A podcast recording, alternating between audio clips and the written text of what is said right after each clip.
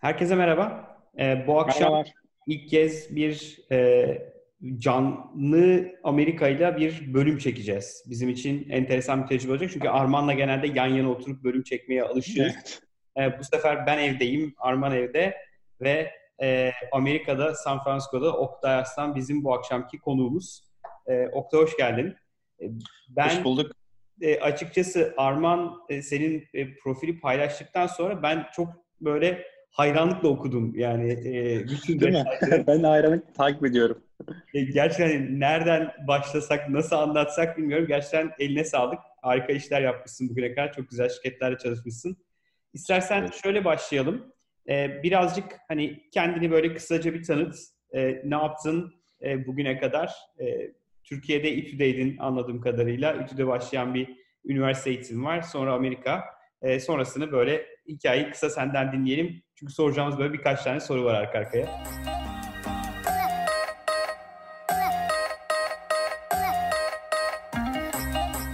Tamam ben Eee, ben kısaca eee, Türkiye'deki eğitim geçmişine biraz bahsedeyim. Daha sonra Amerika'daki eğitim geçmişim ve Amerika'daki eee, sektörde yaptığım çalışmadan bahsetmek istiyorum.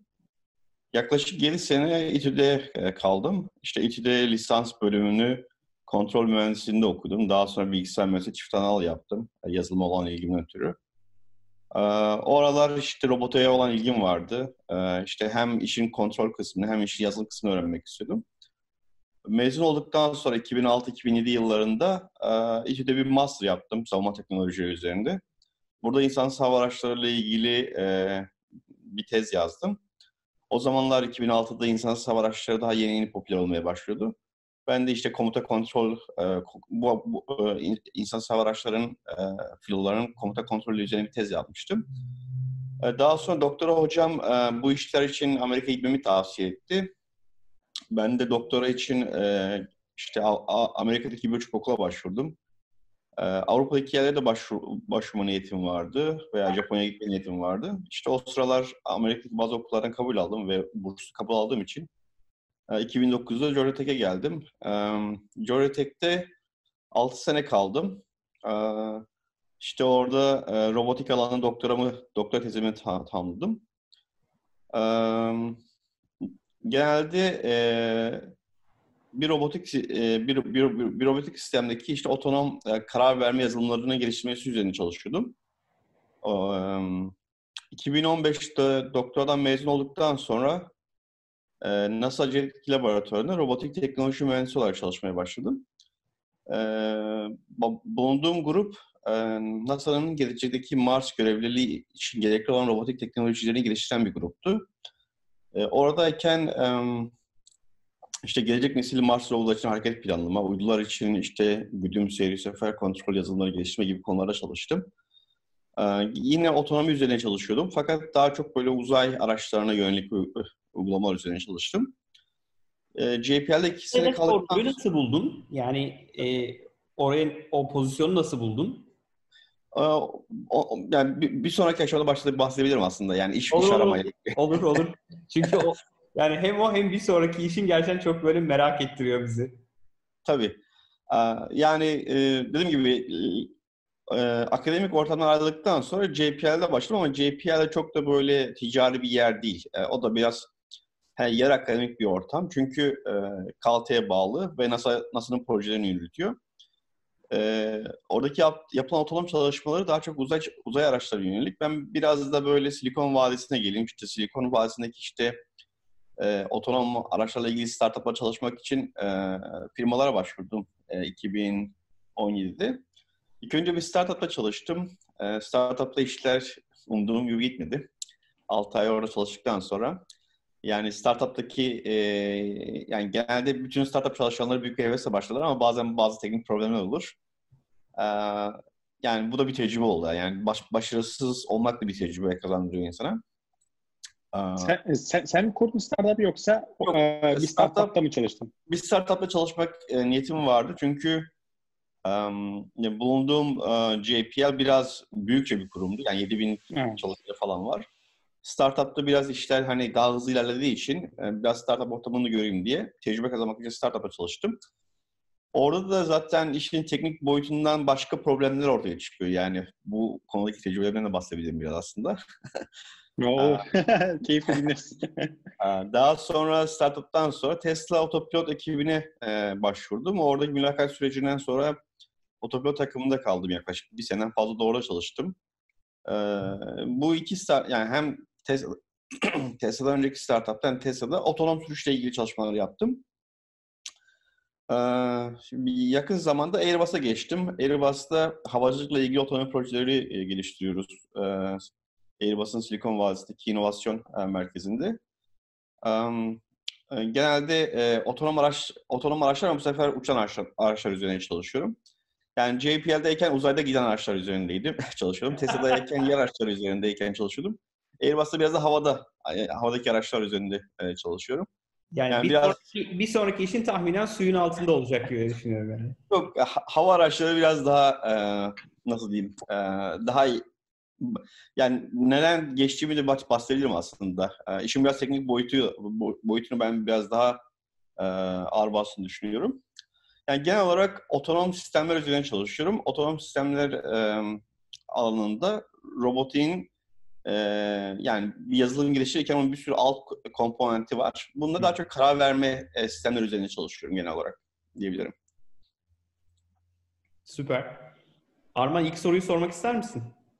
Tabii ki. Ee, şimdi Türkiye'de de ve bence dünyada da birçok insan şeyi çok merak ediyordur. Yani NASA'da ve Tesla'da çalışmak nasıl bir şey? Hani artıları nelerdir, eksileri nelerdir? Ee, oranın kültürleri nasıl? Ee, özellikle yani... hani Tesla veya Elon Musk'ın şirketlerinin kültürü ile ilgili böyle internette deli bilgi var ve deli dedikodu var diyeyim. Hani bazıları çok olumlu, bazıları inanılmaz olumsuz. Yok işte gece gündüz çalıştırıyor, 80 saat, 100 saati görüyoruz. Çok detaycı, çok obsesif. Ee, ya biraz burada hani biraz anlatabilirsen hem de bizim takipçilerimiz bence çok merak ediyordur. Ee, süper olur. Bence bu firmalarda çalışmanın bir herhangi bir eksisi yok. Genel olarak her iki kuruma çok prestijli firma. Fakat kültür olarak biraz farkları var mesela. Özellikle NASA bir ticari kurum değil, NASA bir devlet kuruluşu. Ee, ama iş yapıyor. Yani güzel bir devlet kuruluşu. Yani başarılı görevler yürütebilmiş kuruluş. Ee, e, e, finansal kaynakların çoğu devletten geldiği için e, biraz hantal bir yapısı var diyebilirim. Yani daha rahat mı oradaki şeyler? Ha, hani timeline, timeline'lar biraz daha geniş olabilir. Yani bir, bir, bir firmada çalışırken mesela e, bir ürün geliştirirken ürünün teknolojik olarak geliştirmesi bir hedef. Fakat siz ürünü geliştirdiğiniz için piyasada kalma şansınız garanti değil. Yani ürünü markete daha erken yetiştirmek önemli. Ee, NASA'nın bulunduğu konu biraz Öyle. farklı. Çünkü ortada bir market yok. Yani, yani herkesin Mars'ta bir görev düzenlemiyor. Dolayısıyla bir rakab, rekabet yok. Dolayısıyla e, oradaki e, e, iş takvimleri genelde görev başarımını artıracak şekilde e, hmm. e, düzenleniyor. Yani zamanlarını falan e, çok fazla kısmıyorlar. Çok agresif bir e, iş takvimi çıkarmıyorlar. E, asıl hedef orada e, projenin başarım şansını artabilmek için gerekli olan bütün düzenlemeleri önceden yapıyorlar. Ve bu dediğim şeyler mesela yıllar öncesinden hesaplanıyor mesela. Mesela şimdi 2020 görevi var ama eminim bunun planları mesela 2000 2005'lerin başında falan başlamış olabilir. Yani e, bu görevleri e, çünkü bunların bir e, konsept olarak tasarım süreci var, görüşmesi var. Daha sonra bunun işte o bütçenin onaylanması var. Daha sonra evet. bunların e, kabul edilmesi, paranın JPL'e gelmesi, buradaki insanların çalışmaya başlaması falan bunlar hep çok uzunca bir süre. E, fakat endüstrideki firmalarda bu biraz daha kısa. Yani e, bir startup için iki sene veya üç sene bir ömür e, diye düşünebiliriz. Aynen. Çünkü para, oradaki para önceden raise ediliyor zaten. Para geldikten sonra da insan al bir an evvel o işi bitir takvimi Tabii. daha hızlı ilerleyen bir dünya var aslında evet, ticarette. Yani ya iki iki kurum arasındaki en büyük temel farklardan birisi e, iş takvimlerinin e, şeyleri, e, sürelerin uzun olması, e, uzun ve kısa olması. E, JPL'de bir de yapılan iş e, biraz güvenlik anlamından çok kritik olduğu, olduğu için e, başarısızlık kabul edilen bir alan değil mesela. Ne bileyim uzaya bir roket göndeririz, çalışmadı, tekrar göndeririz falan diye bir şey yok. Yani mutlaka başarılı olması lazım. Dolayısıyla oradaki insanlar... Şey de var, prestij de var değil mi orada? Yani oradaki insanlar işi e, iş takvimini oluştururken e, acele getirmeyip işin güven, güvenliğini, başarım şansı artmak için gerekli bütün tedbirleri almaya çalışıyorlar. E, yaş farkı çok farklı. E, yani iki hmm. kurum arasında yaş farkı var. Mesela e, JPL'de bir uydu, otonom uydu ile ilgili bir projede çalışıyordum. Orada bazı toplantılara katıldığım zaman işte bir odada 30 kişi var. Oradaki en genç kişilerden birisi bendim mesela. E, Kaçlısın bu arada? ben de Sen gençsin ama. ben de o zaman 31 yaşındaydım. E, yani 31-32 yaşlarında. Dolayısıyla uçak uzay sektöründe e, tecrübe çok önemli. E, orada mesela C, NASA'daki e, daha önceki bir iki görevi başarıyla yürütmüş insanlar sürekli rehber olarak oradaki geç mühendisleri e, tavsiyelerde bulunuyor.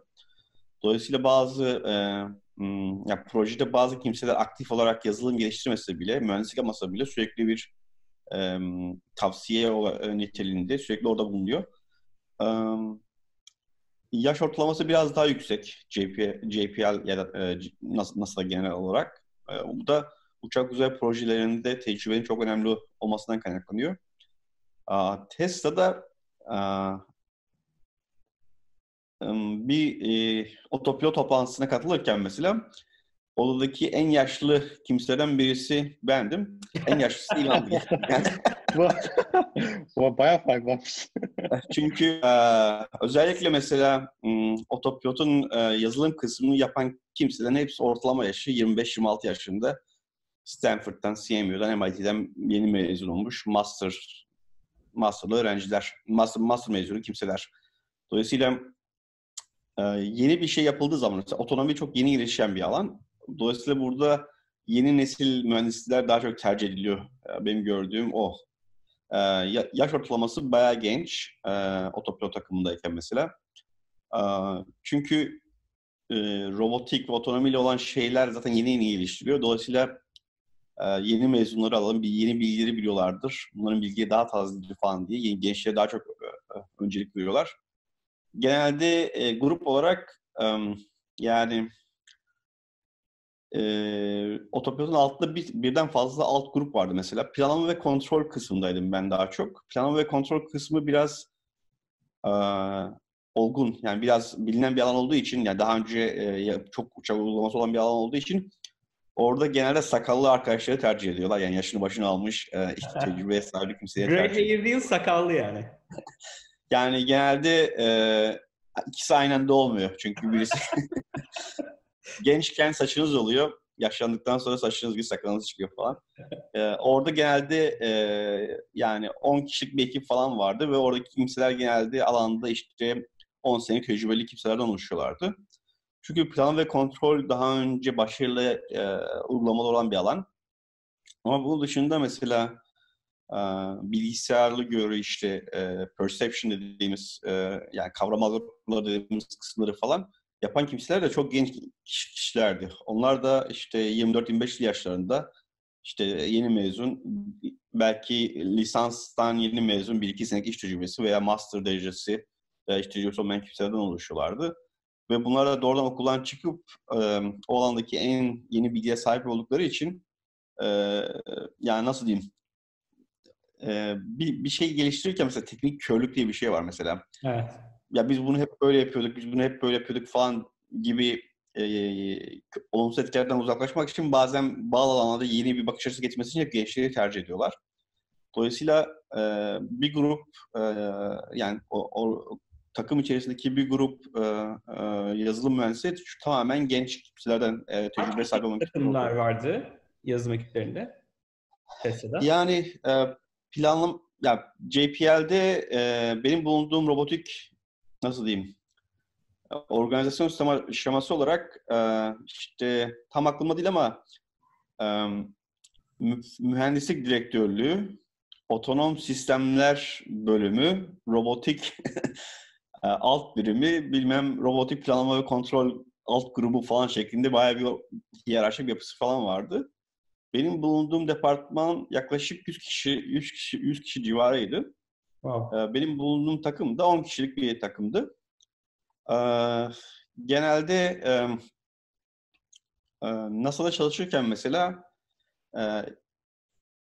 e, e, sizi isminizden daha çok sahip olduğunuz yeteneklerle e, örtüştürüyorlar. Yani işte A kimsesi robotik kontrolünü çok iyi biliyor. İşte veya ne bileyim planlama algoritmasını çok iyi biliyor.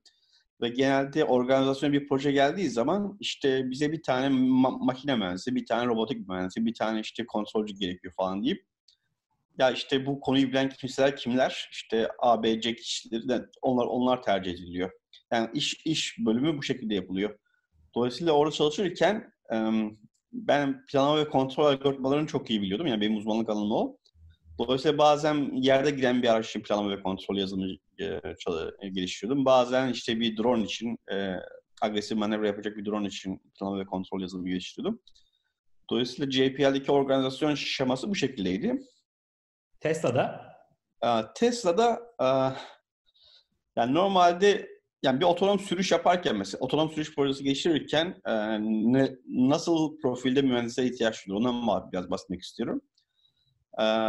Mesela genelde bir e, domain uzmanı vardır. Yani bu kişi çok iyi yazılım mühendisi değildir fakat o domainle ilgili çok iyi teorik bilgisine sahiptir. Algoritma tasarımını iyi yapar mesela. Çünkü otonomi mesela otonominin içerisinde kontrol bilmek lazım, dinamik bilmek lazım, planlama bilmek lazım, işte görüntü işleme bilmek lazım. Bunların çoğu doktora seviyesinde öğrenilebilecek konular. Dolayısıyla doktora seviyesinde çalışırken insanlar mesela yazılım geliştirmeyi normal bir piyasada 10 sene yazılım mühendisliği yapmış birisi kadar bilim, bilemiyor ol, olmayabilirler. Doğru. Ee, ve e, ama bu normal bir şey. Çünkü e, insanlar akademik ortamda işte 7-8 sene kaldıkları zaman kimse onlara iyi yazılım mühendisleri oldukları için e, doktora derecesi vermiyor. Onlar yenilikçi bir çalışma yapmak zorundalar, araştırma yapmak zorundalar ve bu onlar genelde biraz algoritma yönelik daha kuvvetli insanlar. Dolayısıyla bir grup e, kimseler algoritma tasarımıyla ilgilenen mühendislerden oluşuyor. Bunun dışında e, do, domainden bağımsız çok harika yazılım e, yazabilen mühendisler var mesela. Mesela C, C++ geliştirmecileri var. Veya ne bileyim işte Python geliştirmecileri var. Bunlar mesela kimisi gitmiş zamanında bir network firması için çalışmış, kimisi gitmiş zamanında bir tane e, simülasyon firması için çalışmış. Yani bunlar aslında herhangi bir domain tercihi yok. Bunlar sadece işte bir algoritma veriyorsunuz, bir problem veriyorsunuz. Bunlar onunla ilgili güzel kodları, e, hızlı çalışan kodları yazan kimseler. Ve bunlar da dediğim gibi e, genelde lisansını almış fakat lisanstan sonra akademik anlamda bir şey yapmamış. Onun yerine daha çok endüstride e, tecrübe sahibi olmuş kimseler. Bunun dışında e, e, sür, e, e, te, te, test sürü, sürücüleri gerekiyor mesela. Çünkü e, otonomi mühendisleriyle e, yazılım mühendislerinin zamanı çok değerli. Bunlar pahalı kimseler. Yani bunlara para verdiği zaman onların mesela araç testleriyle, sürüşleriyle uğraşmasını istemiyorsunuz.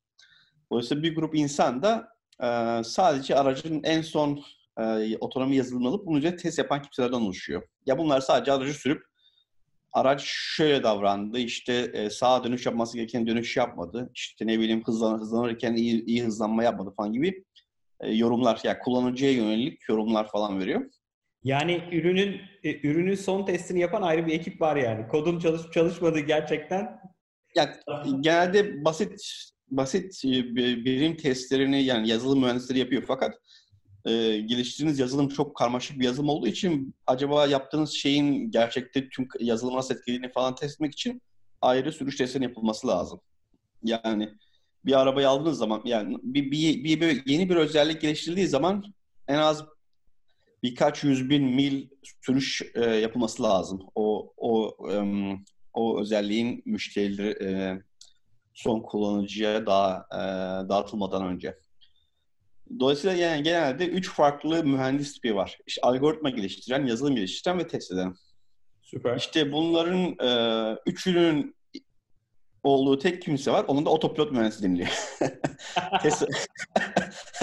Tesla'da işler biraz e, e, herkes e, yani başka firmalarda yapı, yapı bu şekilde olur genelde ama Tesla'da otopilot mühendisi bu her birini yap, her her her koşulda yapması bekleniyor.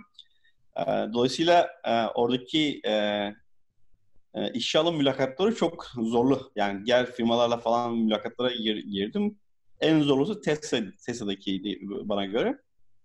Çünkü dediğim gibi hem iyi yaz, kod yazmanız bekleniyor, hem iyi algoritma bilgisine sahip olmanız lazım, hem de gerektiği zaman işte yazılımınızı arabaya yükleyip otobana çıkıp test yapıp hızlıca işi bitirmeniz Dolayısıyla e, e, Tesla'daki e, işlerin bu kadar hızlı ilerlemesi nedeni e, otopilot ekibindeki insanların gerçekten çok iyi mühendisler olmasından kaynaklanıyor. Ve bunlar dediğim gibi Tesla'da yani, kaç kişilik bir ekip vardı yazılımda, otopilotta?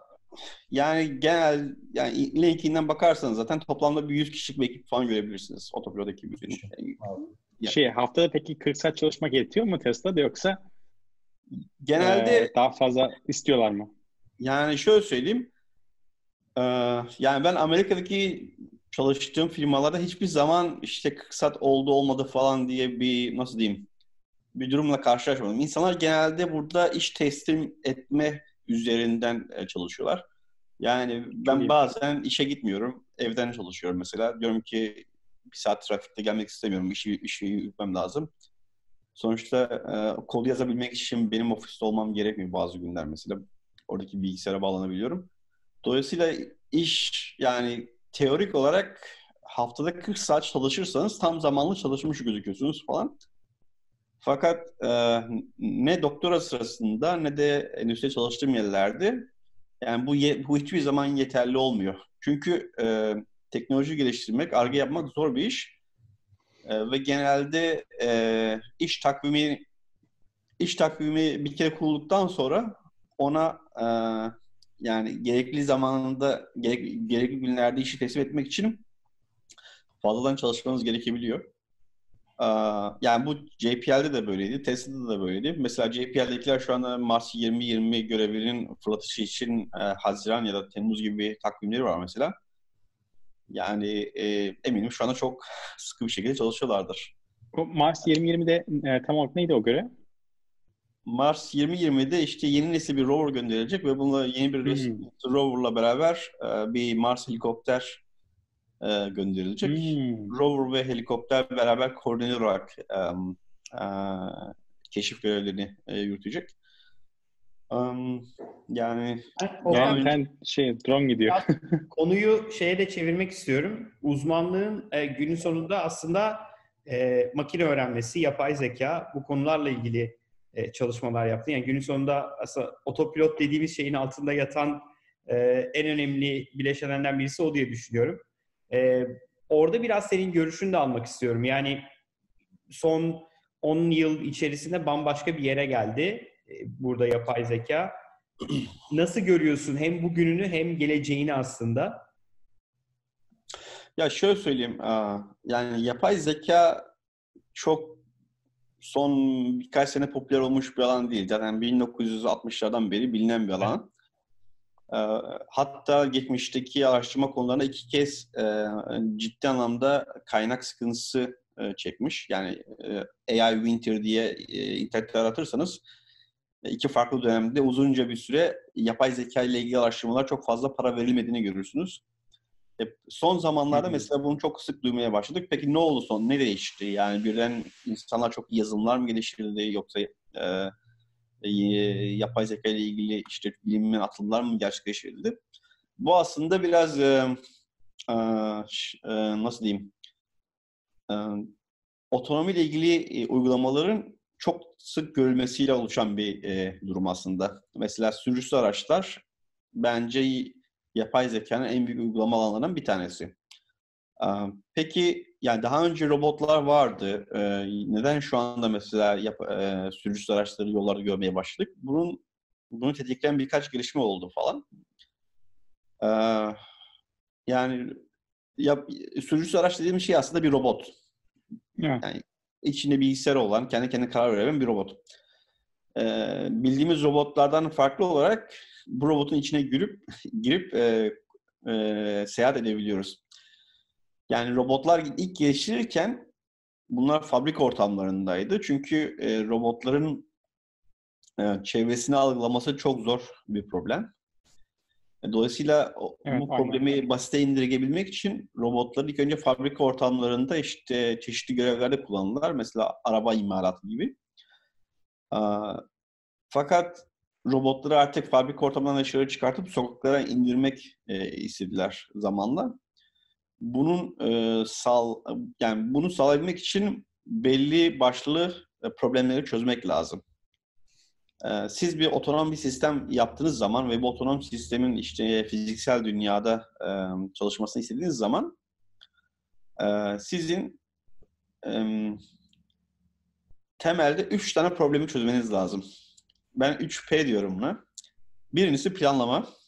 Ee, planlamadan kastım geliştirdiğiniz aracın bir hedefi olacak. Bu hedefe ge- ulaşması için gerekli olan planı kendi kendine e, yani arayabilip, tasarlayabilip ol- olması lazım.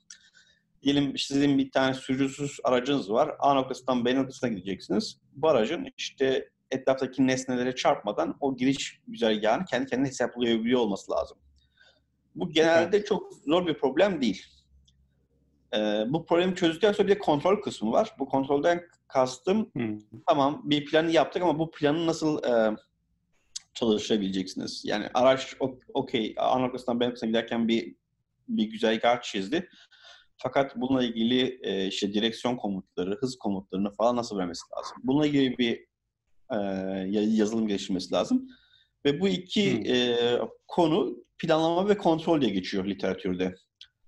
Yani evet. plan, plan ve kontrol çok zor bir alan değil. Yani biz e, 60'lardan 70'lerden beri işte arama algoritmaları nasıl olduğunu, kontrol teorisi nasıl olduğunu biliyoruz. E, peki e, sürücüsüz araçlar ve otonom sisteme geçmek neden zor? Bunun en önemli neden, nedenen bir tanesi bu araçlar çok karmaşık ortamlarda çalışmak zorundalar. Ee, yani evet. sokaklara sokaklara sürerken mesela bazen insanlar bile hangi yolu takip edeceğini e, şaşırabiliyor. Çünkü yollar e, insanlar için tasarlanmış, sürücüsüz araçlar için tasarlanmamış. Dolayısıyla e, bu aracın tamam bir plan yapılması için ilk önce bulunduğu çevrenin geometrik bazı özelliklerini kendi kendine yorumlayabilmesi lazım. Örneğin araç e, yolda giderken mesela şerit yoldaki şerit bilgilerini çıkarması lazım. Stop işaretlerinin nerede olduğunu, trafik ışıklarının nerede olduğunu bilmesi lazım. Evet. Ee, bu, bu problemlere genelde perception problemleri deniliyor literatürde. Yani ben Türkçe'ye kavrama, anlama algoritmaları olarak e, çevirdim. Dolayısıyla e, bir aracın e, yani bir aracın A noktasından B noktasından gitmeden bir plan yapmadan önce bulunduğu çevredeki e, özellikleri bulması lazım. Bunların bir tanesi ya işte şerit bilgileri nerede? Yol, yol yolun kahvesliği ne kadar? Ya da ne bileyim işte e, trafik ışıkları var mı? Dur işareti var mı? İşte kavşağa geldin mi? Yani bu bu, bu, bu, bu geometrik özelliklerin bilinmesi lazım. Bu problem çok zor bir problem ve bu klasik anlamda çözülebilmiş bir problem değil. E, dolayısıyla e, otonom sistemlerin geliştirilmesine en büyük engellerden bir tanesi bu perception problemiydi. Bunun daha üstünde, daha zor bir problem prediction, e, öngörme. E, bu problem de şöyle, şöyle, şöyle özetleyebiliriz. Bir otonom araç A noktasından B noktasına giderken boş bir e, trafikte gitmiyor. Etrafında bir sürü hareket eden nesneler var. Bu nesnelerin niyetlerinin kestirilmesi lazım. Yani bunlar önümüzdeki 5 saniye, 10 saniye içerisinde ne yapmaya çalışıyorlar. Çünkü onların yaptıkları onların yaptıkları niyetlerini kestirebilirseniz ona göre siz davranış yapabilirsiniz. Mesela ne bileyim bir şehir takibi yaparken eğer sağınızdaki aracın sizin şehrinize kıracağını öngörürseniz ve o araç sizin şehrinize kırmadan önce planınızı yaparsanız daha güzel bir sürüş konforu sağlayabilirsiniz. Dolayısıyla üç temel problem var. Planlama ve kontrol. En basiti diyeyim. Yani gerçi o da zor bir problem ama en azından nasıl çözülmesi gerektiğini bildiğimiz problemlerin bir tanesi. Perception ve onun üstünde prediction. Ee, perception problemlerini çözemediler. Ee, fakat 2012 yılında e, yapay sinir ağları alanında güzel bir gelişme oldu. bazı yani bilgisayar bilgisayar bilgisayar görüntü işleme alanında mesela bazı problem bir tanesi semantik etiketleme. Yani ben size bir fotoğraf ver, bir res, bir görüntü verdiğim zaman bu resimde olan nesnelerin ne olduğunu falan bulmaya çalışıyorsunuz. Bu problemi yapay sinir ağlarıyla büyük bir oranda çözmeye başardılar.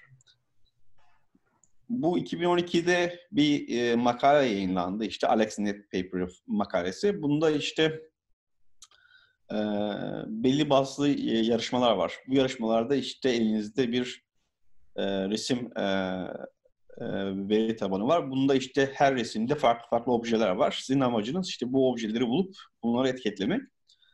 İşte Alex AlexNet denilen e, mimari o aralar işte yüzde e, yüzde beş mertebesinde bir hata payıyla falan çözebildi o problemleri falan.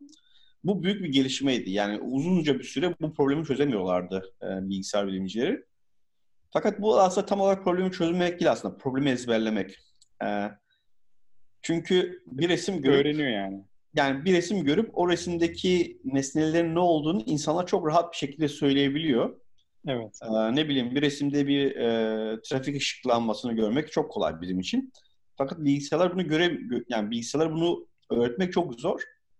Ve dolayısıyla insanlar e, tamam biz öğretemiyorsak ezberleriz e, metoduna geçtiler. Dolayısıyla elimizde çok fazla data varsa bu datayı etiketlersek ve bunu bir şekilde bir yapay sinir ağlarına eğitebilirsek e, e, biz bu problemi çözebiliriz diye düşündüler ve 2012'deki makalenin özeti de buydu aslında.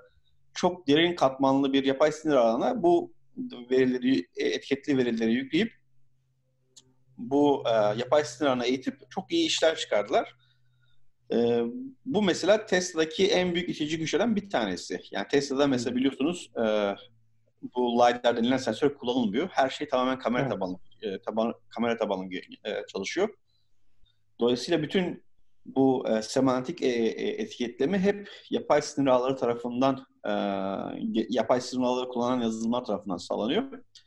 Dolayısıyla bu bayağı bir e, nasıl diyeyim e, çığır açıcı kısım orasıydı aslında. Çığır, çığır açıcı kısım burası çünkü siz bir çevrede gitmeden önce ilk çevredeki ne olduğunu bilmeniz lazım. Yani e, yani araç biz araç sürerken insanlar mesela bulduğumuz şeridi takip etmeye çalışıyoruz veya en öndeki bir araç varsa onunla ilgili takip mesafesini korumaya çalışıyoruz.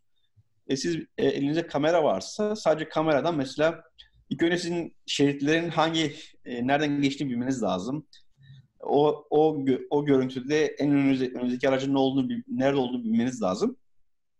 Ve bunları e, sadece kamera yardımıyla yapabil, yapabilmeniz için bu şekilde e, yapay sinir ağlarını kullan, kullanmanız lazım. Çünkü yapay sinir ağlarından daha iyi sonuç veren herhangi bir e, yöntem yok şu anda.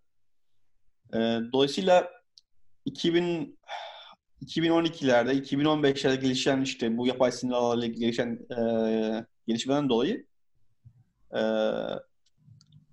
otonom sürüşle ilgili e, firmalar çoğaldı. Çünkü herkes işte veri toplayıp o veriyi bir şekilde eğitip e, bu perception problemi bu şekilde çözmeye çalışıyorlar. Uh, ama dediğim gibi um, yani bunu çözdükten sonra bile daha çözüm daha bir çözülmesi gereken e, prediction yani ön kestim problemleri e, kestim problemleri Peki, bunlar bunlar hala kolay çözülebilen problemler değil. Şeyi sorayım. Elon Musk şey demişti hani 2019 sonlarına full otonom araç çıkartacağız. E, doğru e, hatırlıyorsam e, demişti. Bu doğru bir şey mi o zaman? Yani ve hangi ya aşamasında o, şu an Tesla bu e, şeyde otonom sürüşte? O, o, o, o konuyla ilgili ben e, nasıl diyeyim e, yorum yapamam. Fakat e, şöyle söyleyeyim. E, mesela güzel güzel bir konudan bahsettim mesela. Ya ben mesela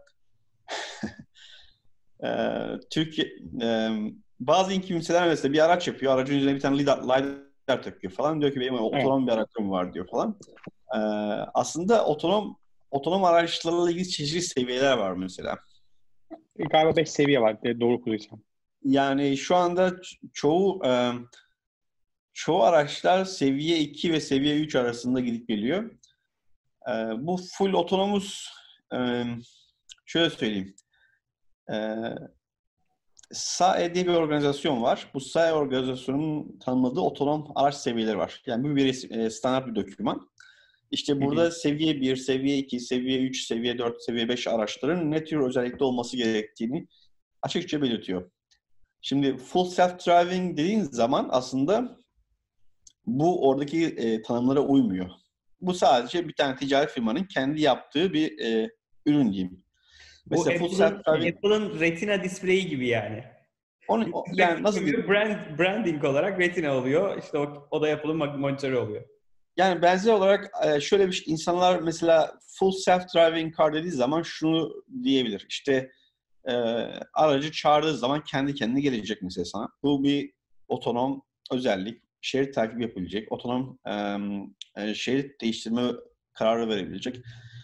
Yani bunları bir şekilde e, bir paket yapıp bunu bir full self-driving package diye e, sunabiliyor. Yani hedefleri belirlemeden önce seviye 4, seviye 5'ten kastımız ne, işte full self-driving'den kastımız ne onları ilk önce belirlememiz lazım. Yani Tesla'nın kendi e, müşterilerine vaat ettiği full self-driving package'da işte neler yazdığı falan bak bakarsanız oradaki bütün çoğu hedefleri yavaş yavaş yapıyorlar aslında. Ben, benim orada bulunduğum evet. Dönemde e, iki özellikte çalıştım ben. Birisi Smart Summon. Smart Summon'la ilgili hareket planlaması üzerine falan çalışmıştım. Hmm, duydum onu. Smart Summon şu ara en, en son çıkan ve en popüler feature'lardan biri artık yani. Yani Araçta insanlar te- telefonu yanıma yani, gel demek. Değil mi? Doğru söylüyorum. Araç çağırma. Yani e, elinizde telefon var. İşte telef araç atıyorum 100, e, 50 metre civarında bir yerdeyse e, beni bul diye bir düğmesi var. Ona bastığı zaman araç otoparktan kendi kendine çıkıp sizin olduğunuz yere gelmesi lazım. Yani e, özelliğin tanımı bu. Bundan önce mesela şey vardı. E, Navigator on Autopilot. E, yani aracı siz e, otobana e, sürdüğünüz zaman otobana girdikten sonra otopilotu devreye alırsanız gideceğiniz yere kadar bütün şerit değiştirme, işte ana yoldan diğer yollara geçme ile ilgili bütün kararları otomatik kendisine vermesi bekleniyor. E, bu da yapılan bir şey. E, nasıl diyeyim? Bunların istenen performanslı olması başka bir şey. Bunların ilgili bir ürün ol, olmuş olması başka bir şey. Dolayısıyla e, yani benim gördüğüm e, genel e, araç çağırma özelliği de olsun, e, bu e, otonom e, karar verme kısımları olsun. Bunların çoğu büyük ölçüde yapıldı zaten e, Tesla'da. Ama dediğim gibi bunlar e, sürekli güncelleniyor. Sürekli e, kullanıcılardan gelen raporlar doğrultusunda, e, geri bildirimler doğrultusunda bunlar güncelleniyor. E, otonom araçlarla ilgili genel e, yani bu SAE tarafından kabul edilen tanımlara bakarsak Um, mesela seviye 4 um, uh, yani seviye 5 en yüksek seviyelerden bir tanesi.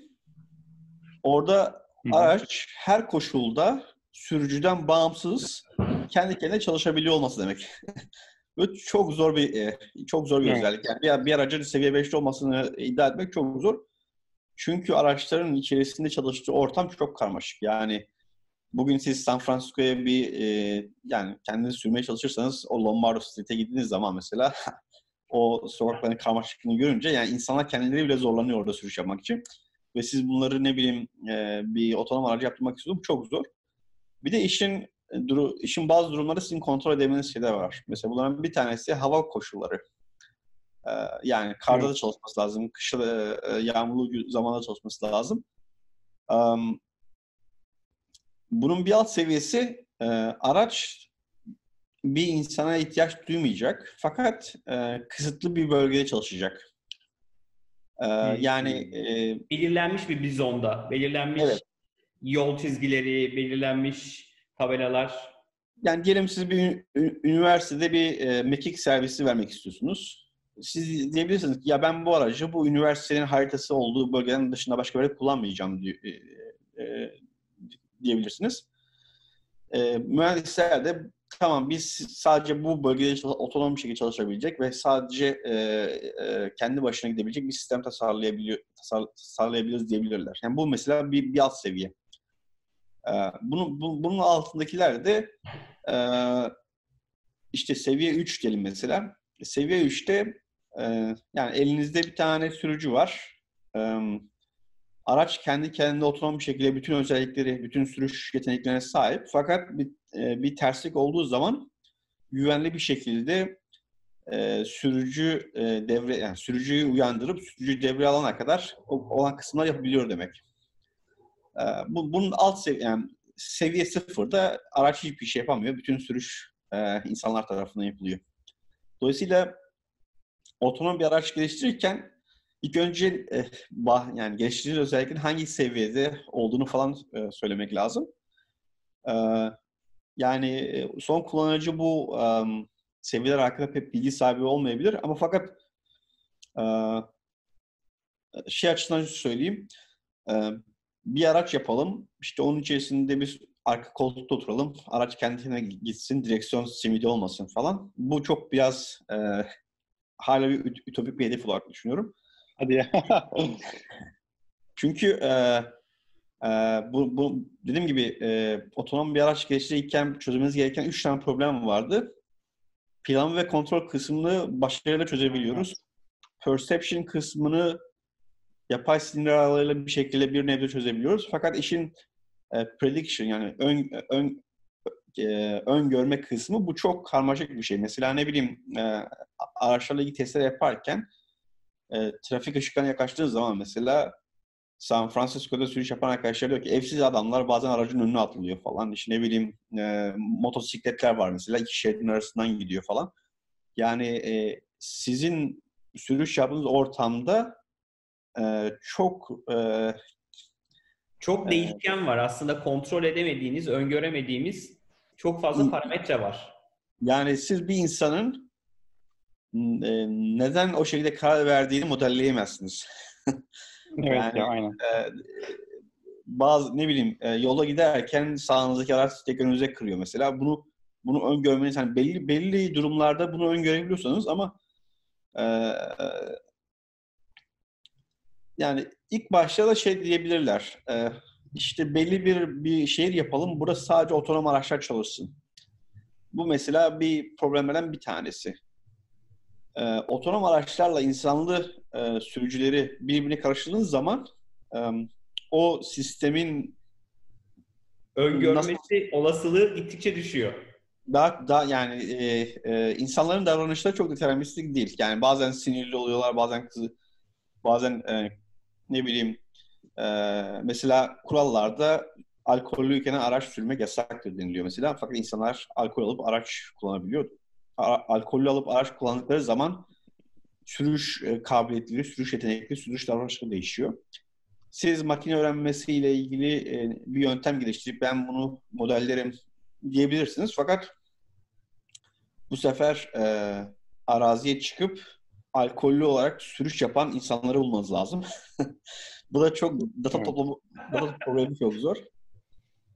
Google'da bir ara mülakata gitmiştim. Orada mesela oradaki bir mühendis arkadaş ya ara sıra işte şehirdeki partilerin olduğu yerlere gidiyoruz falan. Çünkü saat part, yani partiler bittikten sonra orada araçları sürüp data topluyoruz. Çünkü orada çok fazla da sarhoş sürücü olduğunu düşünüyoruz falan filan demişti bana. O da iyiymiş. yani e, çoğu şeyi böyle e, makine öğrenme problemine indirgeyip formüle etseniz bile işin içerisinde data toplama problemi var. Bu da çok zor bir problem. Ee, yani Aslında siz tamam... Dışarıdan bakınca en güçlü olduğu taraf aslında o data toplama problemine yaklaşımı gibi görüyorum ben. Ee, bilmiyorum yani dışarıdan göründüğü gibi mi içeride de? Ya dediğim gibi e, sizin e, otonomi problemi bayağı büyük bir problem ve siz bu problemi çözerken belli bir strateji izliyorsunuz diyorsunuz ki mesela ben sadece kamera tabanlı yapay sinir ağları makine öğrenmesini kullanan bir e, teknolojiyle ben bu perception problemini çözmek istiyorum diyebilirsiniz. Tamam makine öğrenmesi güzel fakat bununla ilgili datayı nasıl toplayacaksınız? Diğer startupların ya da diğer firmaların en büyük dezavantajı da bu oluyor. Çünkü e, Tesla'nın sahip olduğu bir filosu var. Bu filoda da e, e, data, data toplamayı e, yani hemen hemen ücretsiz bir şekilde data toplayabiliyorlar. Dolayısıyla data toplama ile ilgili herhangi bir problemleri yok.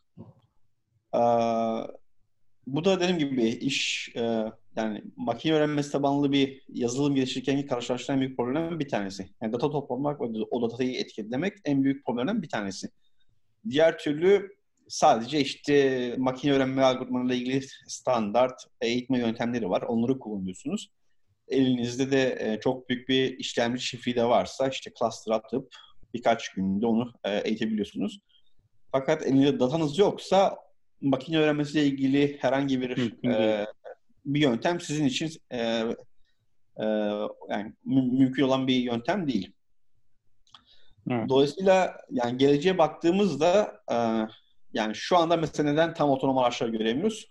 E, bunun iki nedeni var. Birincisi öngörme, ikincisi perception. Kavrama problemi çok zor olması. Evet. E, gelecekte belki şey olabilir. E, sadece e, otonom araçların çalışmasına izin verildiği bölgeler olabilir. Otonom araçlar burada çalışabilir. Um, işin içerisinde mesela sadece teknoloji firmaları yok. Yani dışarıdan bakıldığı zaman işte mühendisler bir otonom araç yapsın, kendi kendine gitsin falan diye bakılıyor ama işin içerisinde mesela şehir Belediyelerin yerel belediyeler, beledi belediyelerin e, kuralların değişmesi lazım. Yasaların uygunluğu hale getirilmesi lazım. Çünkü e, şu anda sürülen yollar bir günde tasarlanmış yollar değil. Yani bu işaretli levhaları falan. Bunların hepsi 100 yıllık bir süreç içerisinde geliştirilmiş şeyler. Ve bunlar otonom araçlar için değil, daha çok insanların sürüş yapabilmeleri için sağlanmış şeyler. Um, mesela trafik ışıkları yerine ne bileyim bir tane işte orada bir tane e, e, kablosuz bir sensör olsa mesela o anki o anda işte trafik ışığının o durumunu işte sürücüsüz araca verse mesela belki o e, görüntü işleme problemi içerisindeki o trafik ışıklarını bulmak problemi çok büyük bir şekilde kolaylaştıracak mesela. Evet. Bunların hepsi, bunların hepsi altyapı Aynen. altyapı değişikliği gerektiren şeyler. Ee, belediyeler teknoloji firmaları kadar hızlı çalışmıyor. o kesin. Yani, yani bizim bizim e, Türkiye'de fena değil biliyorsun yani işte e, bir taksi varken Uber varken belediyenin taksi uygulaması yapması gibi böyle çok havalı işlerimiz var yani. Teknolojiyi önden takip eden bir ülkeyiz biz. Yani e, işin içerisinde yani otonom araçları görmemiz için ilk önce yani bir mühendislik problemi çözmeye çalışırken aslında e, yani ilk başta en zordan başlayabilirsiniz. Fakat eğer en zordaki problem henüz çözülebilir seviyede değilse problemi biraz daha basitleştirmeniz gerekiyor. Ee, bu problemi basitleştirmenin en büyük olan bir tanesi işte araçların gideceği çevreyi e, basitleştirmek veya o çevrede iyileştirmeler yapmak. Veya ne bileyim oraya m, e, araçların e, sadece otonom araçların gidebileceği alanlar yapmak falan. E, yani otonom sürüşle ilgili ben gelişmeyi bu şekilde görüyorum. Yani ilk başta böyle tamam yani bir günde tam otonom hale gelen bir araç göreceğimizi düşünmüyorum. Zaman içerisinde işte ilk önce belli şeritler sadece otonom araçlar için geliştirilecek. Yollar değişecek belki. Daha sonra şehirle ilgili kurallar değişecek. Ee, daha sonra zamanla bu teknoloji geliştikçe e, otonom araçları daha çok yaygın görmeye başlayacağız. Sanırım Ama bu bahs- seni dinledikten sonra şöyle geliyor. İnsanı tamamen aracın içinden çıkartmak lazım herhalde direksiyondan. O, o epey bir problemi çözecek gibi yani. Aynı anda İstanbul'daki bütün şoförleri kaldırıp bütün araçlar o gün otonom olsa e, herhalde inanılmaz bir e, böyle ne denir giant leap almış oluruz yani orada. Aslında çok güzel bir noktaya değindin. Dediğim gibi e, esas problem otonom araçlarla insanlı sürecek e, aynı ortamda yani bir e, homojen olmayan bir e, trafikte e, sürmekten kaynaklanıyor. Bütün araçlar otonom olsa mesela otonom araç üreticileri bir protokole e, bir protokol geliştirip koordineli bir şekilde sürüş yapabilir aslında. Bu problemi bayağı bir kolaylaştırıyor. Fakat o orada da teknik e, sıkıntılar var. E, otonom e, araba üreticileri birbirini sevmiyor mesela. Dolayısıyla birbirlerinin arasında standartlaşma yok. Çünkü e, o alandaki rekabet çok yüksek. E, hmm, yani yok. o otonom araç geliştirirken işte bütün firmalar belli bir e, nasıl diyeyim e, otonominin çözülmesine gerek otonominin nasıl çözülmesine gereken gerektiğine dair henüz bir konsensüs de yok yani. Çünkü e, e, Waymo diyor ki ben LiDAR kullanacağım. Tesla diyor ki LiDAR'sız yapacağım. E, başka evet. firmalar başka şeylerden bahsediyorlar. Çünkü bunun e, en nihayetinde firmalar bu araçları geliştirirken e, para kazanma, e, kar yapma e, amacını gidiyorlar. Rakiplerden Dolayısıyla, farklılaşmaya çalışıyor herkes. Bu geliştiren te- e, teknolojinin de biraz e, son kullanıcı tarafından satın alınabilir olması lazım. E, aracın üzerine bir LiDAR koyduğunuz zaman aracın değeri 40 bin dolar mesela atıyorum. E, LiDAR sensörün değeri 100 bin dolar. Dolayısıyla e, otonomi problemini çözerken işte o pahalı sensörleri kullanamazsınız. Başka sorun çıkıyor. yani e, nasıl diyeyim? E, Mercedes eskiden yıldızlı Mercedesler vardı mesela. Mercedes'i park edersiniz bir yerlere. Yıldızı hemen çalınırdı falan. Çünkü onun bir e, evet. Şeyi vardı. İkinci el piyasası vardı. İkinci el piyasası vardı. Yani siz bir aracı bir yere park ettiğiniz zaman yani geri döndüğünüzde aracı üzerindeki kameraların, LiDAR'ların söküldüğünü düşünürseniz mesela. Çünkü onlar çok değerli e, sensörler. Dolayısıyla e, insanlar... E, ta- Tabii canım, aynen. Ya bu, bu teknoloji... E, ayna sökülüyor ya. Ben biliyorum yani. Benim arabamın aynası çalındı iki defa yani. Adamlar yani, aynayı e, söküp aynayı aynayı satıyorlarmış yani. Hmm, yani biz bir, bir, bir problemi çözerken o problemi e, çözmekte kullandığınız sensörlerin, bilgisayar parçalarının hepsinin ucuz olması lazım. Çünkü dediğim gibi otonomi sektör, e, otomotiv sektöründe kar marjı çok yüksek değil. A, dolayısıyla yani Tesla'nın e, kamera tavanlı bir çözüm e, önermesindeki en büyük nedenden bir tanesi de bu. E, yani. O LiDAR denilen sensör çok pahalı bir sensör. Onun e, ee, yani nasıl diyeyim?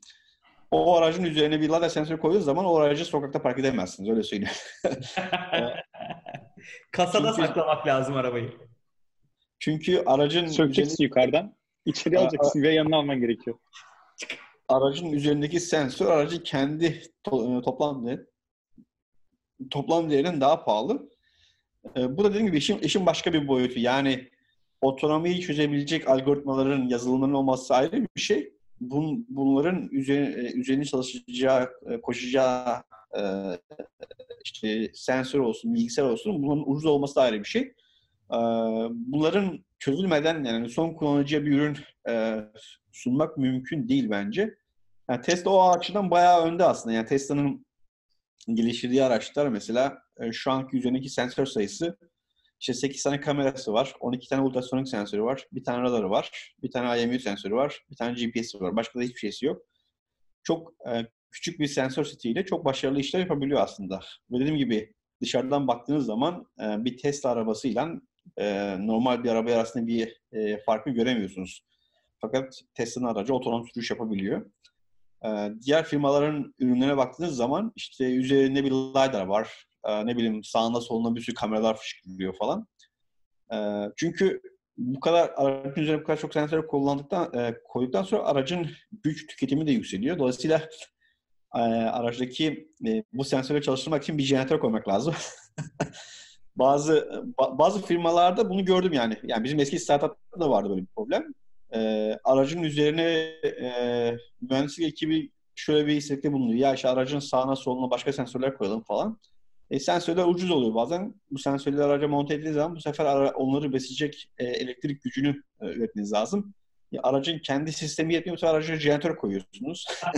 dolayısıyla, dolayısıyla artık e, yaptığınız ya. şey e, yaptığınız şey e, bir test aracı ol, oluyor. Daha çok ürün olmaktan uzaklaşıyor. Yani kimse evet. bugün en iyi laptopu tasarlarsanız eğer e, şarj ünitesi çok ağırsa mesela kimse onu almak istemiyor. Çünkü artık e, e, kullanım kolaylığı zorlaşıyor.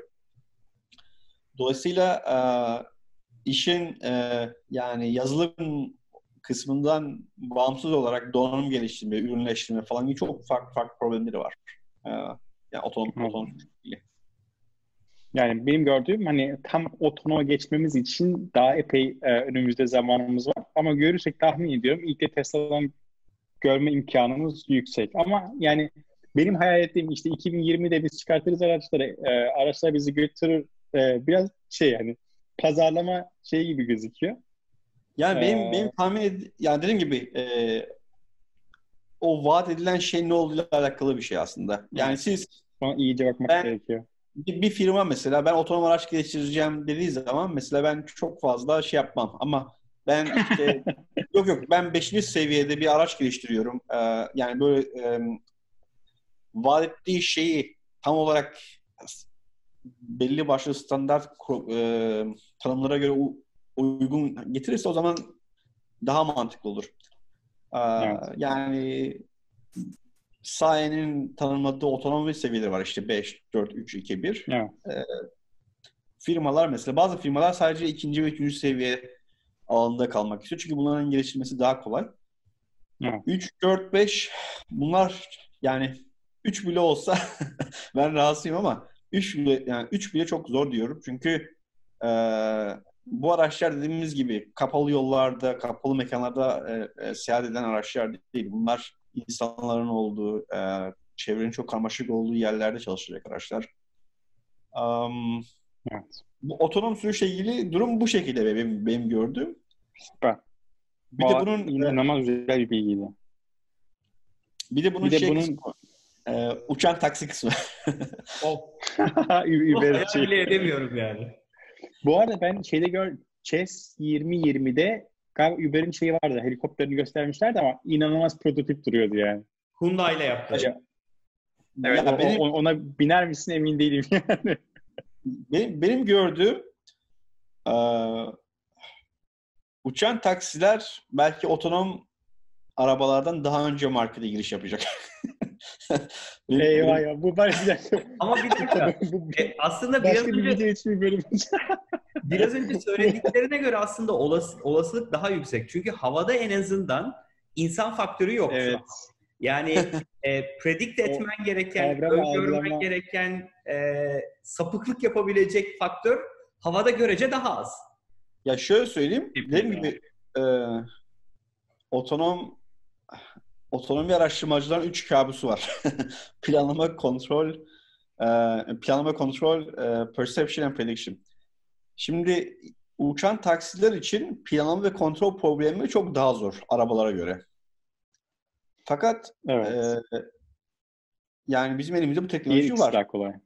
uçuş teknolojisi e, 60'lardan 70'lerden beri var olan bir şey. Biz biz aracı otonom bir şekilde uç, uçurabiliyoruz. Yani bir uçağı havada tutmanın, bir helikopteri havada tutmanın ya da ne bileyim belli bir e, uçak tasarlamanın hani Amerika, en azından Amerika veya Avrupa'daki ülkeler için bir zorluğu yok. Yani onlar 1960'lardan beri uçak uçurabiliyor.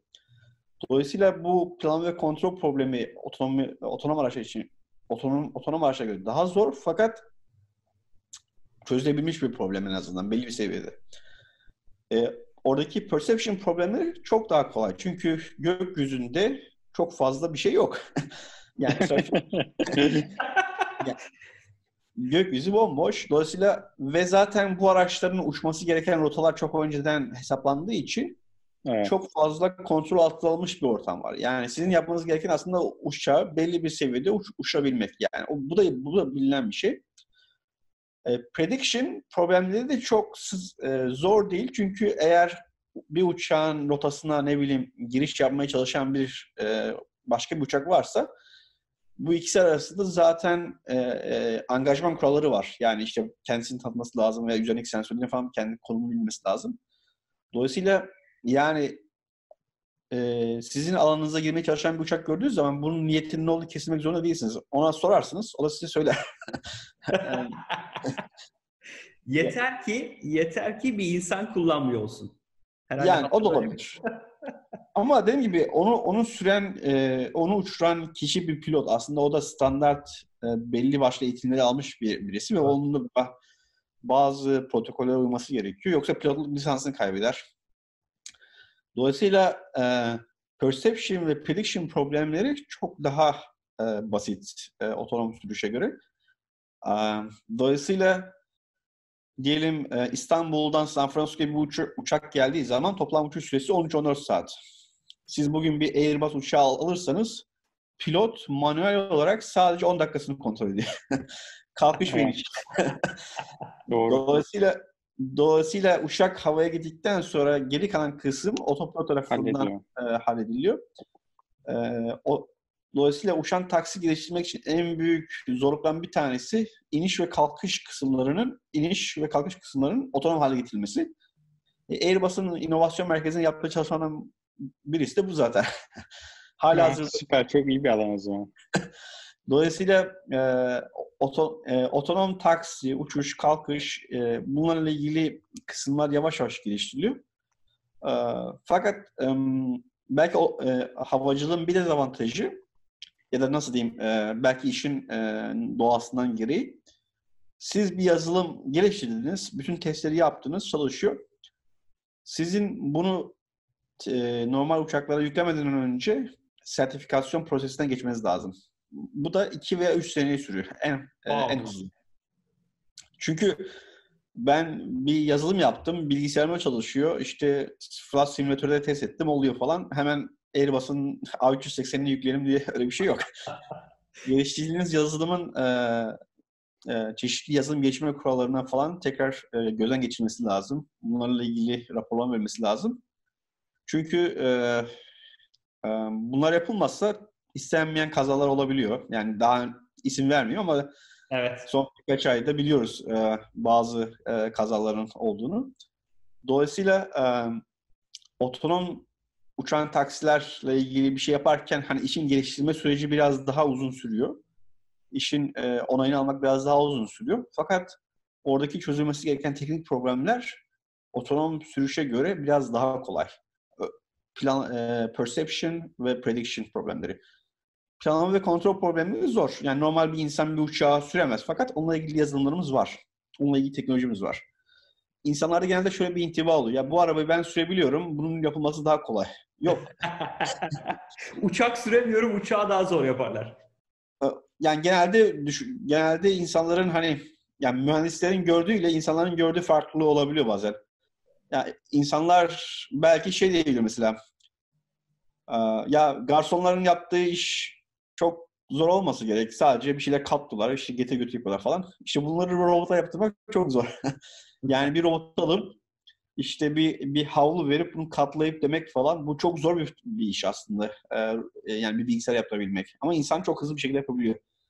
Yani insanların Evet, doğru. olduğu bazı konular var. İnsanlar mesela belirsiz durumlara adapte olma konusunda çok daha iyiler.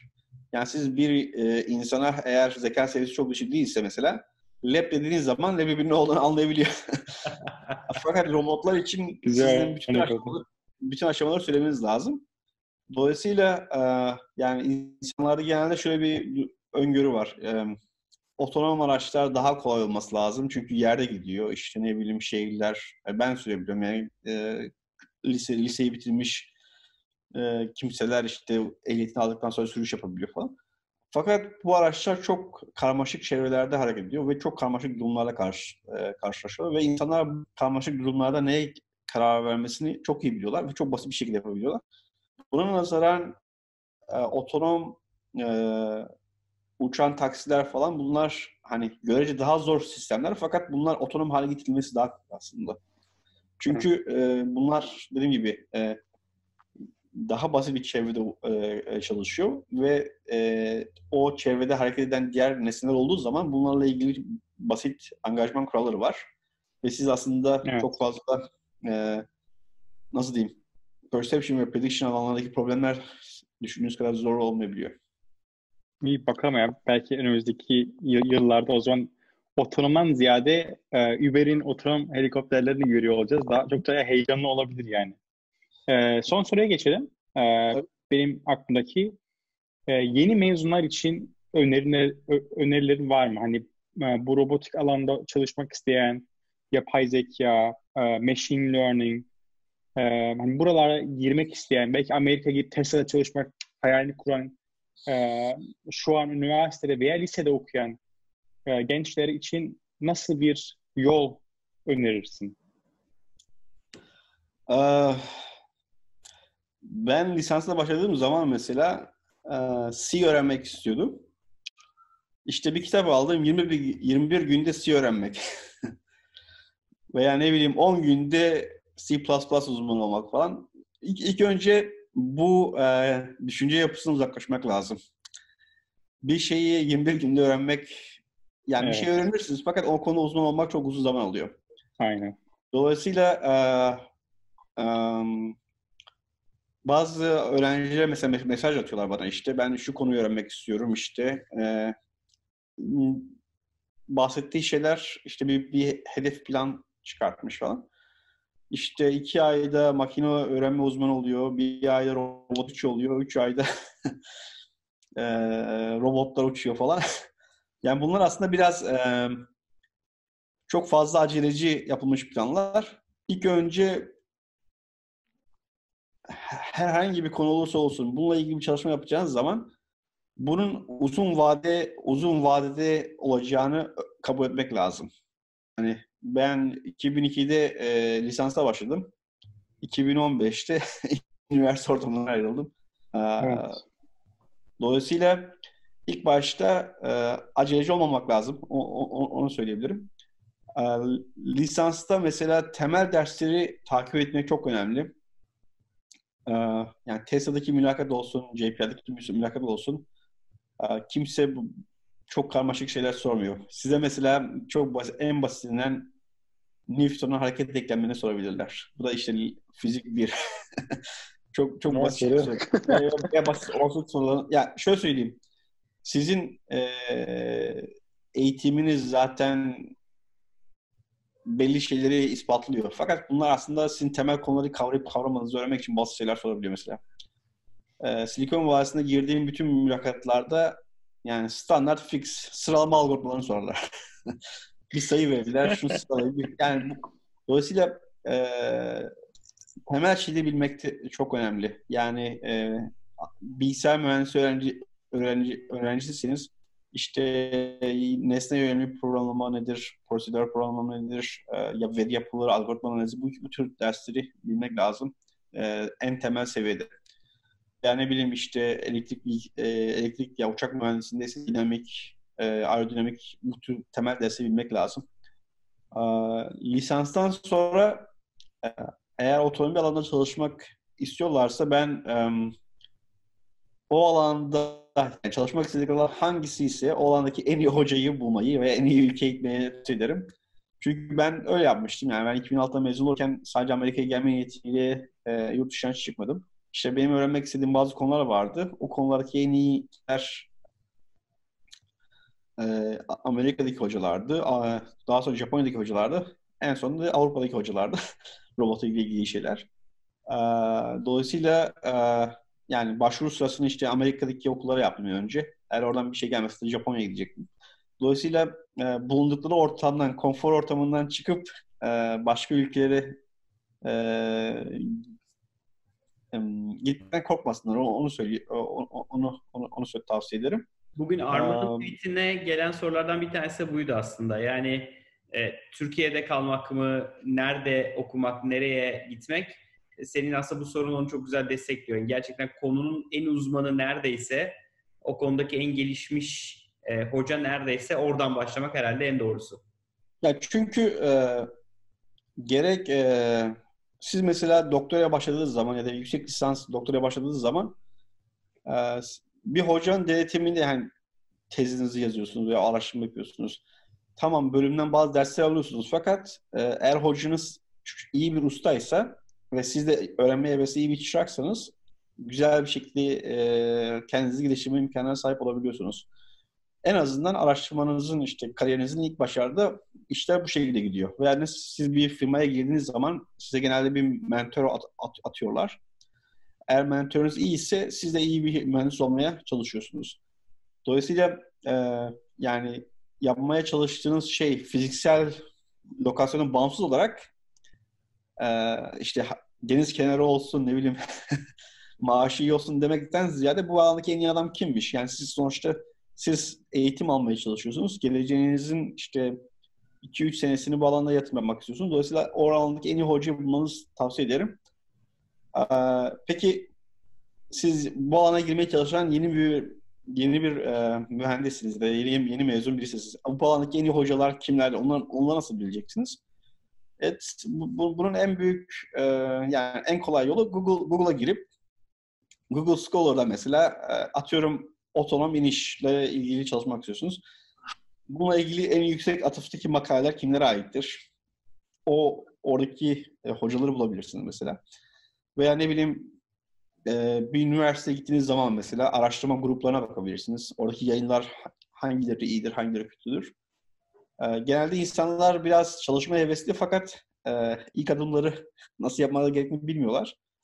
Yani ben kendi öğrencimden bahsedersem yani 2006'da 2009'da ben Türkiye'de master yapmıştım. O arada mesela e, çalışmak istediğim konularla ilgili makaleleri oku, okumaya çalışırdım. E, bu makalelerin içerisinde en yüksek atıflı olan makaleler hangileri onları bulmaya çalışırdım. Bu araştırma grupları, araştırmacı hangi üniversitelerde onları bulmaya çalışırdım. Onların web sitesine gidip oradaki e, yaptığı çalışmalar, en son projeler hakkında bilgi sahibi olmaya çalışırdım. E,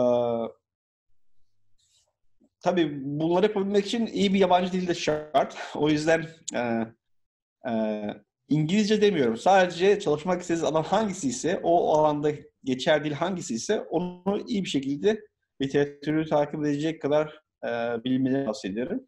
Kesinlikle jargon Aa, jargon çok önemli. Yani yapacakları, yapmak istedikleri konularda e, Türkçe yeterli değil. Yani senin dediğin gibi İngilizce olmak zorunda değil. Ee, Aslında Türkçe yeterli değil demek istemiyorum. Ee, ben de bu, uzunca bir süre bunu düşünüyordum. Yani mesela ben lisanstayken çok fazla İngilizce bilmiyordum. Daha şöyle söyleyeyim. E, bir konuyu öğrenmek istediğim zaman Türkçe kaynakları bulmaya çalışıyorum. Çünkü oradan daha iyi öğrendiğimi e, fark ediyorum. Fakat zamanla e, bulunduğum alanda mesela Türkçe kaynak bulamamaya başladım. Dolayısıyla İngilizce kaynaklara yöneldim. E, zamanla tabii İngilizceyi daha iyi geliştirdim. E, sonra kendi kendime şu soruyu sordum. Acaba neden insanlar e, Türkçe kaynak yazmıyorlar? ya da ben şimdi mesela ben kendi yani doktoramı bitirdikten sonra artık ben de bir araştırmacı olduk. Ben neden Türkçe bir kitap yazmayayım falan diye düşünüyorum bazen. E, bunun en büyük nedeni zaman. İki, tüketecek kitle bence yani. Yok yok. Ee, ben e, şöyle söyleyeyim. Bir zaman lazım. İkincisi e, bir araştırmacı bir kitap yazdığı zaman ondan e, nasıl diyeyim o kitabın satılması, telif hakları falan gibi konular falan iç içine giriyor. yani Türkiye'de telif haklarına karşı biraz nasıl diyeyim biraz fazla rahat bence. Yani bir araştırmacının yaptığı bir kitap korsan yayıncılar tarafından yayınlanıp çok rahat bir şekilde satılabiliyor falan. Dolayısıyla e, yani yabancı bir ülkede bir insan bir yayın yaptığı zaman bu işte telif hakları korunduğu için ve insanlar genelde korsan kitap tüketmedikleri için, yani kitabın orijinal aldıkları için bu e, yaptığı çalışmanın ayırdığı zamanın karşılığı bir nebze alabiliyor. Hem araştırmacı olarak yani tanımlık açısından hem de maddi olarak e, alabiliyor. Ee, Türkçe kaynak çıkmamasının en büyük nedeni bence bilgi eksikliği değil, daha çok ee, nasıl diyeyim? Yani ben ben bazen çok şaşırıyorum mesela üniversite hocalarının kendi sitelerinde mesela bir, bir, bir konuyla ilgili mesela bir ders veriliyor. Dersin kaynak kitaplarının isimleri veriliyor. Yanında da PDF linki var mesela. yani bunu normalde Amerika'daki bir okuldaki bir hoca kesinlikle yapmaz. Sadece kaynak verir.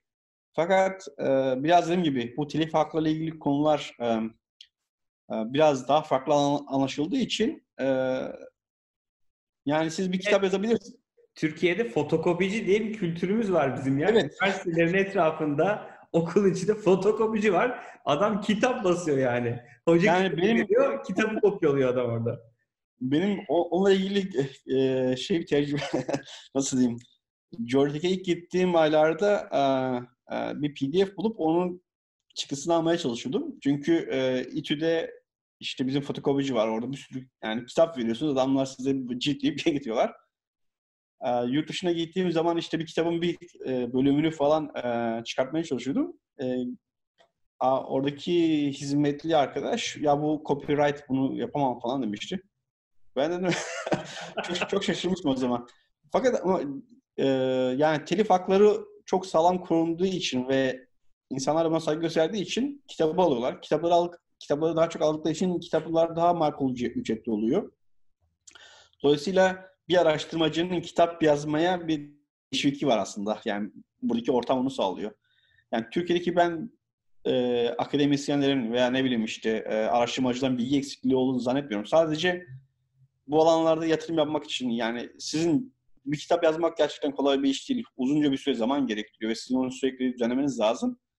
Ee, sizin aylarca e, emek ve kazandığı bir kitabı işte ne bileyim korsandaki adamlar sağda solda ücretsiz ücretsiz yani düşük ücretle yayınladığı zaman emek olduğu zaman insanlar bu tür e, yayınlara yanaşmıyor diye düşünüyorum ben. O yüzden biraz telifle ilgili kısımların biraz güzel iyileştirilmesi lazım diye düşünüyorum. Yani üniversitenin kendi sayfasından korsan e, kitap linki paylaşmak biraz absürt bir durum benim, benim gördüğüm. E, bunun dışında dediğim gibi e, bu, bu, bu işin sadece e, öğrenme kısmıyla ilgili. Genelde eğer bir araştırma yapıyorsanız bununla ilgili makale yazmanız lazım. Bu makaleler de genelde yabancı kalede yazılan dergilerde yayınlanıyor ve bunlar daha yüksek e, e, etki alanlarına sahipler. Dolayısıyla yabancı dili bilmek her halükarda e, lazım. Özellikle yaz, yazılım alanındaysanız mesela İngilizce bilmek e, çok, çok elzem. Çok önemli. Bunun dışında en önemlisi çok çalışmaya hevesli olmak. Evet, evet. Biz de sürekli onu söylüyoruz. Yani herhalde bölümden birinde konu sürekli çalışmaya gidiyor. E, çünkü bilmiyorum hani kendi etrafımızda da gördüğümüz tembelliğe çok meyilli bir şeyimiz var. E, etki alanı var Türkiye'de. O yüzden yani çalışmaktan keyif almak bence çok önemli. E, sen de gördüğüm kadarıyla yaptığın işe tutkuluyla bağlısın, ilgileniyorsun. O yüzden e, ilgilendiğin, araştırdığın, kendini geliştirdiğin konular aslında bir nevi senin hobilerin haline geliyor. Ve o konuda inanılmaz uzmanlaşabiliyorsun bu sayede. Yani ben sevdiğim işi yapıyorum. Üzerine de para alıyorum. Öyle bakıyorum ben olaya. Mükemmel zaten. evet. en güzel case budur bence yani. Bu, bu gerçekten um, büyük bir keyif. Yani benim gör, benim çalıştığım firmalarda e, genelde insanlar yaptıkları işten büyük bir e, nasıl diyeyim gurur duyuyorlar. E, işte bir uçak mühendisi olsun, bir uzay mühendisi olsun, bir otonom yazılımı mühendisi olsun. Bu da biraz şeyden kaynaklanıyor olabilir belki. Um, yurt dışında mesela üniversiteye girmek biraz um, nasıl diyeyim daha kolay aslında. Uh, dolayısıyla insanlar uh, yani üniversiteye giriş uh, sınavı diye bir şey yok aslında. Her üniversite kendi öğrencilerini kendi uh, karar verebiliyor her üniversitenin birbirinden bağımsız başvuru süreçleri var. Bunlar mesela standart bazı dokümanlar isteyebilirler mesela. Dil yeterliliğini belgelemek için TOEFL sınavı isteyebilirler. Veya ne bileyim işte SAT diye ÖSSE benzeri sınavlar skorlarını isteyebilirler. Fakat bunlar hiçbir zaman e, bu yeterli koşullukla sağlıklı e, sağladığınızda sizi kabul garantisi vermiyor. Dolayısıyla onların kendi bir e, e, üniversite öğrenci kabul etme komitesi var mesela. Bunlar hepsi ke- üniversitenin kendi kültürüyle alakalı yaptıkları e, e, taramalar. Dolayısıyla insanlar e, üniversite öğrenci ter, e, tercih ettikleri zaman niyet yazılarını istiyorlar mesela. Bu öğrenci gerçekten bu alanda çalışmaya niyetli mi? E, dolayısıyla çünkü yurt dışında üniversite okumadan da yaşamak, iş sahibi olmak, hayatı idare etmek mümkün. İnsanlar e, üniversite okumak için değil, gerçekten o alana ilgi oldukları için e, gidiyorlar ve o alanda istedikleri bölümü okuyorlar. Türkiye'de biraz e, yani ÖSS sitesi var mesela. Sınav, sınav sitesi var. İnsanlar e, bazen işte yani puanlarına göre tercih ediyorlar. Ne bileyim işte puanın boşa gitmesin diye farklı farklı bölümlere gidebiliyorlar. O biraz e, sıkıntılı bence bir durum. Çünkü e, yani 4 sene bir üniversitede okuyacaksın ama ondan sonra o mesleği hayatınız boyunca yapacaksınız. Dolayısıyla sevdiğiniz bir işi, e, sevdiğiniz bir bölüme girmek e, daha mantıklı diye düşünüyorum. Büyük, büyük bir konfor gerçekten. Oktay, ee, e, gerçekten çok keyifliydi. Bence biz böyle birkaç saat daha konuşsak olur. Ama bunu bu, bunu izleyecek olanlar bence bu bölümü yavaştan toparlayalım. E, ama tekrar e, senin için uygun olan bir zamanda e, gerçekten görüşmeyi, belki başka biraz daha derin dikey konuşmayı çok isteriz. Kapatmadan böyle eklemek istediğim bir şey var mı? Bizi izleyen hem beyaz yakalı hem de genç arkadaşlara. Ee, genel olarak e, otonomi, yapay zeka, makine öğrenmesi, robotik bu alanlar e, şu anda Silikon Vadisi'nde çok fazla talep gören alanlar. Eminim dünyanın diğer taraflarında da bu konuda çok iyi yatırımlar oluyor. Eğer e, meslek e, tercihinde kararsız olan arkadaşlar varsa yani bu alanlara giriş yapmalarını tavsiye ederim eğer ilgileri varsa.